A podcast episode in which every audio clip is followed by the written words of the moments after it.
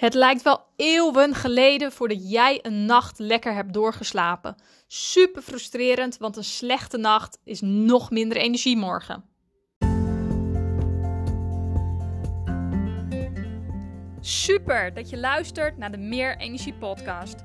De podcast voor jonge vrouwen die zonder duidelijke oorzaak al jarenlang moe zijn. Ik ben Linde van Dijk en als ortomoleculair vermoeidheidsexpert leer ik jou hoe je niet alleen energie hebt voor de dingen die moeten, maar vooral ook weer voor de dingen die het leven leuk maken. Het is weer zover. Het is bijna half vier in de nacht en jij ligt weer wakker. Je kijkt op de klok en je hebt weer een paar minuten voorbij zien tikken, waarin jij maar een beetje in het donker ligt te gluren. Je bent echt niet de enige. Van alle Nederlanders heeft zeker 63% die is niet positief over zijn eigen slaap. En bij mijn eigen klanten zie ik het ook heel erg veel. Ze liggen uren wakker voordat ze in slaap vallen, worden meerdere keren per nacht wakker of ze zijn al ver voor de wekker wakker en vallen dan niet meer goed in slaap. Ehm, en ze hebben bijna net als jij alles al geprobeerd. Een ander kussen, melatonine-pillen, eerder gaan slapen of juist later gaan slapen. Maar er is eigenlijk niks wat goed lijkt te werken. Ik zie vaak dat die slaapproblemen komen door twee oorzaken. En de kans is groot dat ook jouw slaapprobleem daardoor veroorzaakt wordt. De eerste oorzaak is een te actief stresssysteem. En want bijna iedereen die ik spreek, die heeft ooit in het verleden lange tijd stress gehad. Of misschien iets recenter. Er is iemand overleden, er is ziekte geweest, hoge werkdruk, soms zelfs met een burn-out. Maar er is langere tijd veel stress geweest en dat heeft dat stresssysteem uh, eigenlijk constant actief gemaakt. Waar je ook wil dat het soms niet actief is. Um, want in een normale, gezonde situatie is jouw stresshormoon cortisol in de ochtend een beetje hoger, waardoor je fit en alert wakker wordt.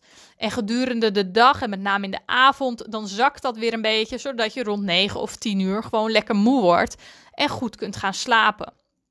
Op het moment dat jij een te actief stresssysteem hebt, dan is het niet zo dat het ochtends wat hoger is. Nee, dan is jouw stress uh, piek, jouw cortisol level ochtends juist lager. Je wordt duf wakker uh, en gedurende de dag, nou, dan gaat het wel. En s'avonds rond een uur of 9, 10, denk je, ik ben er wel weer bij. En als jij dan wil gaan slapen, je valt niet in slaap, je hoofd draait over uren, of je slaapt heel onrustig en wordt vaak wakker, of je wordt midden in de nacht wakker. Dat kan echt komen door zo'n actief stresssysteem, wat je dan echt weer moet gaan herstellen om ook te zorgen dat je slaap weer goed wordt. Je snapt dus waarom alleen een nieuw kussen aanschaffen daar niet goed voor werkt. Als jij nou iemand bent die zegt: Ja, ik heb echt helemaal geen stress gehad. Er is geen periode geweest waarin ik me veel zorgen heb gemaakt of spanningen heb gehad. Dan kan het probleem ook nog zitten in jouw darm. Want als er een disbalans is in jouw darm of dat systeem functioneert niet goed, dan worden ook de hormonen die nodig zijn om te slapen, de stofjes melatonine en serotonine, minder aangemaakt. Want die stofjes die nodig zijn om te slapen, worden nu eenmaal voor 80% in de darm aangemaakt. Gebeurt dat niet, ja, dan heb je dus ook te weinig stofjes om goed in slaap te vallen. Dus dat kan ook zeker een reden zijn um, dat jij zo slecht slaapt. Het is dus echt belangrijk dat je gaat kijken, ja, waar ligt nou de oorzaak van mijn slaapprobleem? En de hele tijd dingen proberen, ja, dat is dus geen oplossing. En dat heb je ook al gemerkt. Um, want anders sliep je inmiddels wel goed. Dus de kans is heel erg groot dat je of een stresssysteem hebt wat je echt weer moet gaan herstellen. Een systeem wat constant aanstaat, waarvan je wilt dat het ook af en toe eens niet zo erg aanstaat. Of jouw darmmilieu functioneert niet optimaal. Waardoor de stofjes die nodig zijn om goed in slaap te vallen ook niet goed worden aangemaakt. En vergeet niet dat dat zelfs kan zonder dat jij echt een darmklacht hebt. Want ik zie heel veel mensen waarbij ze parasieten, ziekmakers, disbalans, allerlei problemen in de darm hebben. En die zeggen: ja, ik heb nooit buikpijn. Um, ik heb niet uh, um, heel veel winderigheid. Uh, maar toch zit er echt een probleem in de darm. En terugkijkend zeggen ze dan heel vaak: ja, ik heb wel eens wat wisselende ontlasting. Dan weer diarree. Dan weer wat meer obstipatie. Um, dus er zitten wel degelijk problemen. Maar vaak is het voor mensen al zo gewoon dat ze niet meer dat als echt een darmprobleem uh, zien. En zolang je geen buikpijn hebt eh, ehm, of, of dat soort klachten, zien heel veel mensen het ook niet echt als een darmprobleem. Dus echt belangrijk dat je goed gaat kijken, hey, waar kan mijn probleem het meeste liggen? Zit dat meer in de stress?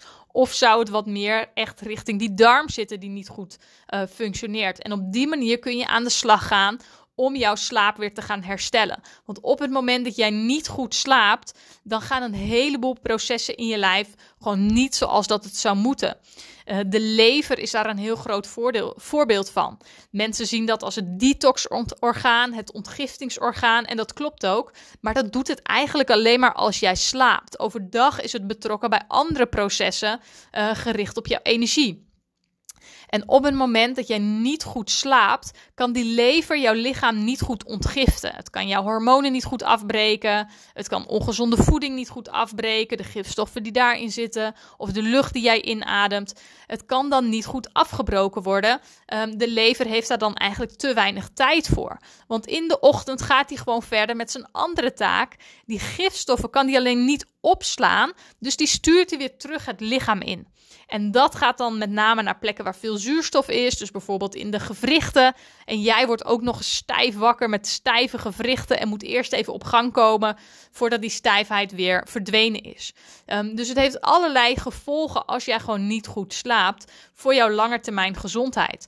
Want als jouw lever niet goed uh, kan ontgiften en hij stuurt het weer terug het lichaam in, dan heeft hij de dag daarna dus een nog zwaardere taak. Want er zijn extra gifstoffen die hij weer moet afbreken. Uh, en op die manier krijg je dus veel te hoge uh, uh, aantal van dat afval eigenlijk in jouw lijf, wat niet goed afgebroken kan worden. Um, en daar is slaap dus een belangrijk iets voor om dat te gaan herstellen. Um, dus ik ben heel benieuwd hoe dat bij jou is. Heb jij alles zo naar je slaap gekeken?